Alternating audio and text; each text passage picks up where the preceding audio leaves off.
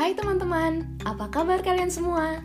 Perkenalkan, namaku Kak Indah. Aku akan bercerita tentang banyak kisah. Ada dongeng Nusantara, cerita-cerita binatang, dan banyak kisah lainnya. Jadi, dengerin terus di sini ya. Kisah-kisah yang Kak Indah ceritakan bisa menjadi pengantar tidur adik-adik atau adik-adik bisa ceritakan kembali di sekolah. Oke? Jadi, sampai berjumpa di cerita-cerita Kak Indah nanti ya. Dadah!